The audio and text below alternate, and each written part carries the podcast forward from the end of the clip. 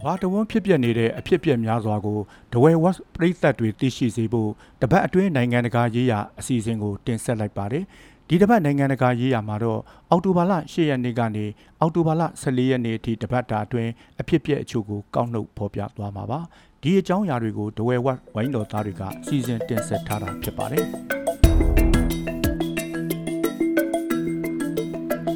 အီရတ်ပါလီမန်ဟာအောက်တိုဘာလ23ရက်မှာတမရအဖြစ် ကတ်နိုင်ငံရေးသမားအဗ်ဒူလာတစ်ရာရှစ်ကိုရွေးချယ်လိုက်ပြီးတမရအသစ်ဟာချက်ချင်းပဲမိုဟာမက်ရှီယာအယ်ဆူရာနီကိုဝန်ကြီးချုပ်အဖြစ်ရွေးချယ်ခဲ့ပါတယ်။ပြီးခဲ့တဲ့နှစ်အောက်တိုဘာလရွေးကောက်ပွဲကလေးကနိုင်ငံရေးသမားတွေအနေနဲ့အစိုးရတစ်တရက်ဖွဲ့ဖို့မလုံဆောင်နိုင်ခဲ့ကြတဲ့အပေါ်ကတ်လူမျိုးတွေနေရာယူထားတဲ့တမရရာထူးနေရာအတွက်ရာရှစ်ကိုမဲပေးမှုဟာအစိုးရအသစ်ဖွဲ့ဖို့အဓိကခြေလှမ်းဖြစ်ခဲ့ပါတယ်။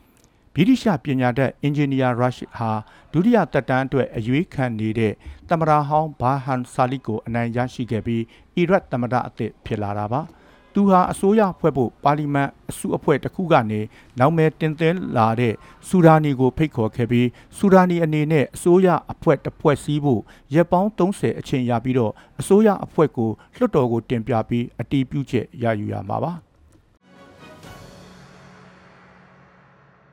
မြောက်ကိုရီးယားခေါင်းဆောင်ကင်ဂျုံအန်ဟာနျူကလ িয়ার ပစ်လွှတ်နိုင်တဲ့တာဝေးပစ်ခရုစ်ဒုံးကျည်နှစ်စင်းပစ်လွှတ်မှုကိုကြီးကြပ်ခဲ့တယ်လို့နိုင်ငံပိုင်မီဒီယာကအောက်တိုဘာလ23ရက်မှာဖော်ပြခဲ့ပါတယ်။အဆိုပါပစ်ခတ်မှုကနျူကလ িয়ার စစ်စင်ရေးအတွက်ကိုရီးယားပြည်သူတပ်မတော်ထံချပေးထားတဲ့ခရုစ်ဒုံးကျည်တွေရဲ့စွမ်းဆောင်ရည်နဲ့အင်အားကိုမြင့်တင်လိုတဲ့ရည်ရွယ်ချက်နဲ့လှုပ်ဆောင်ခဲ့တာဖြစ်ကြောင်းဖော်ပြခဲ့ပါတယ်။ စမ်းသပ်ပစ်ခတ်မှုဟာကီလိုမီတာ2000မိုင်အားဖြင့်1240မိုင်အကွာဝေးရှိပြစ်မှတ်ကိုရှင်းရှင်းလင်းလင်းထိမှန်ကြောင်းထပ်လောင်းပြောကြားခဲ့ပါတယ်။တိုင်းပြည်ဟာအရေးကြီးတဲ့စစ်ရေးအကြက်တဲနဲ့စစ်ပွဲဆိုင်ရာအကြက်တဲတွေကိုအချိန်မရွေးပြက်ပြက်သားသားဟတ်တားနိုင်စေဖို့နဲ့အဲ့ဒီအချိန်ရောက်ရင်လုံးဝလက်ဦးမှုရယူနိုင်စေဖို့ဖြစ်တယ်လို့ကန်ကပြောကြားခဲ့ကြောင်းနိုင်ငံပိုင်သတင်းဌာနကနေဖော်ပြထားပါတယ်။ အင်ရီယာအာနာပိုင်များကမေဒန်ဆက်ယုံကနေစေဝါထုတ်လုပ်မှုကိုရပ်ဆိုင်းလိုက်ပြီလို့ပြည်내ဝန်ကြီးတဦးကအောက်တိုဘာလ12ရက်မှာပြောကြားခဲ့ပါတယ်။ဂမ်ဘီယာနိုင်ငံမှာရှိတဲ့ကလေးငယ်တွေဒါဇင်လိုက်တည်ဆုံမှုမှာမေဒန်စေဝါကုမ္ပဏီကထုတ်တဲ့ချောင်းဆိုးပြောက်ဆေးရည်နဲ့ပတ်သက်နေတယ်လို့ WHO ရဲ့အစီရင်ခံစာထွက်ပေါ်လာပြီးတဲ့နောက်မှာပြေးလိုက်တာဖြစ်ပါတယ် မေဒန်ထုတ်ကုန်လေးခုကိုဓာတ်ခွဲခန်းမှာလေ့လာကြည့်ရာအစိတ်အတောက်ဖြစ်စေနိုင်ပြီးကြောက်ကတ်ထိစေနိုင်တဲ့ဒိုင်ယာတလင်းဂရိုက်ကောနဲ့အီတလင်းဂရိုက်ကောပမာဏတွေကသုံးစွဲဖို့တဲ့ကြော်လွန်ပါဝင်နေတယ်လို့ WHO ကပြောကြားခဲ့တာပါ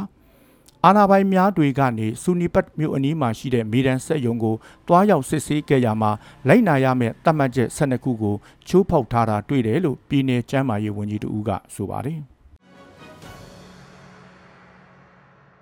တောင်အာဖရိက၊အယ်ဂျီးရီးယား၊ဘင်္ဂလားဒေ့ရှ်၊ဘယ်လ်ဂျီယမ်၊ချီလီ၊ကော့စတာရီကာ၊ဂျော်ဂျီယာ၊ကာဂျစ္စတန်၊မော်လ်ဒိုက်၊မော်ရိုကို၊ရိုမေးနီးယားနဲ့ဗီယက်နမ်တို့က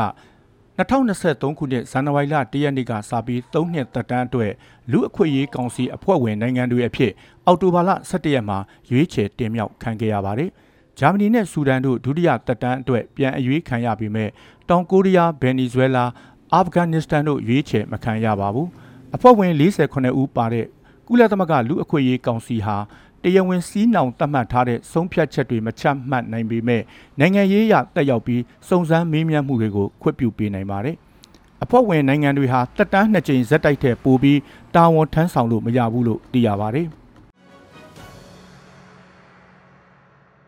လေဗနွန်နဲ့အစ္စရေးတို့ကြားရေပိုင်နဲ့နယ်နိမိတ်သတ်မှတ်နိုင်ရေး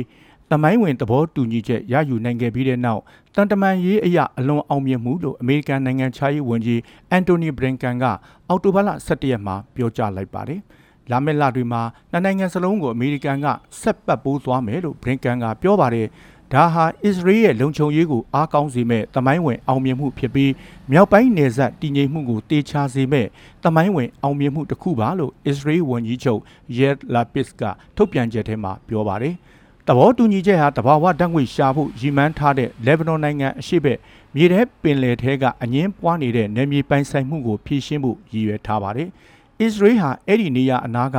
လယ်ကွင်းတွေကနေတဘာဝဓာတ်ငွေကိုထုတ်လုပ်နေပါတယ်။ ပြီးခဲ့တဲ့အောက်တိုဘာလ10ရက်နေ့ကရုရှားအတွက်အရေးပါလှတဲ့ခရိုင်းမီးယားတရာပောက်ကွဲပြီးခဲ့ပြီးတဲ့နောက်ရုရှားနိုင်ငံသား9ဦးယူကရိန်းနဲ့အာမေးနီးယားနိုင်ငံသား3ဦးကိုဖမ်းဆီးထားတယ်လို့ရုရှားဖက်ဒရယ်လုံခြုံရေးဌာန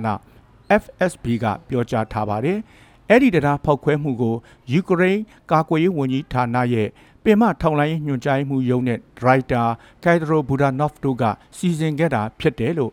FSB ကပြောကြားခဲ့တာပါ။ ပောက်ကွဲမှုနဲ့ပတ်သက်လို့ယူကရိန်းနိုင်ငံကတရားဝင်ထုတ်ဖော်ပြောကြားခဲ့တာမျိုးမရှိပေမဲ့အချို့ယူကရိန်းအရာရှိတွေကတော့အဆိုပါဖောက်ခွဲမှုကိုဂုဏ်ပြုခဲ့ကြပါတယ်။အဆိုပါတရားကရုရှားစစ်ရေးလှုပ်ရှားမှုအတွက်ထောက်ပံ့ပို့ဆောင်ရေးမှာအရေးပါလာခဲ့ကယူကရိန်းတောင်ပိုင်းမှာတိုက်ခိုက်နေတဲ့ရုရှားတပ်ဖွဲ့တွေအတွက်ထောက်ပံ့ရေးပစ္စည်းတွေပို့နေတာဖြစ်ပါတယ်။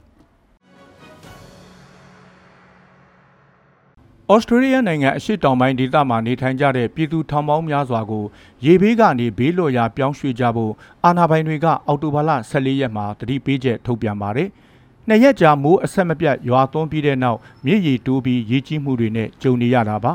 မဲလ်ဘုန်းမြို့တည်ရှိတဲ့ဗစ်တိုးရီးယားပြည်နယ်ထဲကနေရာအတော်များများ နယူးဆော့ဝေးပြည်နယ်တောင်ပိုင်းနဲ့တက်စမေးနီးယားပြည်နယ်မြောက်ပိုင်းဒေသတွေမှာ အော်တိုဘာလ12ရက်ကနေ14ရက်နေ့အထိရွာသွန်းခဲ့တဲ့မိုးရေချိန်ဟာပုံမှန်အခြေအနေမှာတလစာမိုးရေချိန်နဲ့ညီမျှတယ်လို့တာဝန်ရှိသူတွေကပြောပါတယ်။ဗစ်တိုးရီးယားပြည်နယ်ထဲကအဓိကမြစ်ကြီးတွေမှာညအချိန်ရုတ်တရက်မြစ်ရေရှမ်းပြီးဒေသခံတွေကိုအရေးပေါ်ကယ်ဆယ်ခဲ့ရပါတယ်။ ဗင်နီဇွဲလားနိုင်ငံအလဲပိုင်းမှာမိုးသဲထန်ပြီးမြင့်ငယ်၅စင်းရေရှမ်းခဲ့လို့လူ36ဦးထက်မနည်းသေဆုံးက56ဦးပျောက်နေတယ်လို့ဗင်နီဇွဲလားဒုတိယသမ္မတဒယ်စီရိုဒရီဂက်စ်ကပြောပါတယ်။မြို့အနှံ့ရွှွန့်တော်ကြောက်တုံးတွေအောက်မှာပိတ်မိနေတဲ့လူတွေကိုဦးစားပေးအနေနဲ့ရှာဖွေခဲ့ကြပြီးတက်မတော်နဲ့ကယ်ဆယ်ရေးသမားတွေကလည်းအသက်ရှင်ကြံရစ်သူတွေကိုမြစ်ကဘာတွေမှာရှာဖွေခဲ့ရတယ်လို့ဒုတိယသမ္မတကပြောပါတယ်။ ရေကြီးနေတဲ့မြစ်တွေထဲကတစ်ခုဖြစ်တဲ့ El Pato မြစ်ကြောင့်အိမ်တွေဈေးဆိုင်တွေနဲ့အိမ်အများအပြားမျောပါသွားခဲ့တယ်လို့ရှာဖွေကယ်ဆယ်ရေးအာဏာပိုင်တွေကပြောပါတယ်။အော်တိုဘာလ10ရက်ညကမိုးရွာလို့မြို့တော်ကာရာကတ်စ်ရဲ့အနောက်တောင်ဘက်မိုင်40အကွာတောင်တန်းတွေကလက်ပင်ကြီးတွေနဲ့အပျက်စီးတွေအိမ်တွေဆိုင်တွေမျောပါခဲ့တာပါ။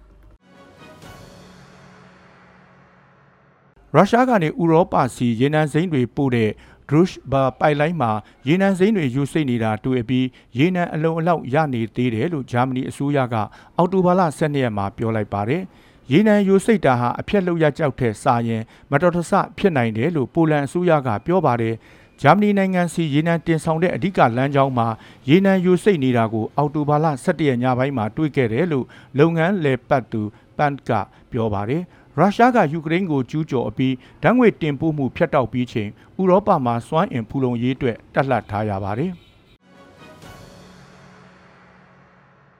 မက္ကဆီကိုနိုင်ငံတောင်ပိုင်းချီယာပတ်ပြည်နယ်မှာရှိတဲ့ကျေးလက်အလဲတန်းကျောင်းတစ်ကျောင်းမှာအမည်မသိရတဲ့ဓာတုပစ္စည်းတစ်ခုကြောင့်ကျောင်းသား98ဦးအစိတ်သက်ခဲ့တယ်လို့ဒေသဆိုင်ရာအာဏာပိုင်တွေကပြောကြားခဲ့ပါတယ်။ ဒီအဖြစ်အပျက်ကချီယာဘတ်ပြည်နယ်မှာရှိတဲ့ကျောင်းတွေမှာနှစ်ပတ်အတွင်းဖြစ်ပွားခဲ့တဲ့တတိယအကြိမ်အစိတ်သိမ့်မှုဖြစ်တယ်လို့သိရပါတယ်။စိုးရိမ်ပွဲအခြေအနေရှိတဲ့ကျောင်းသားတဦးကိုတော့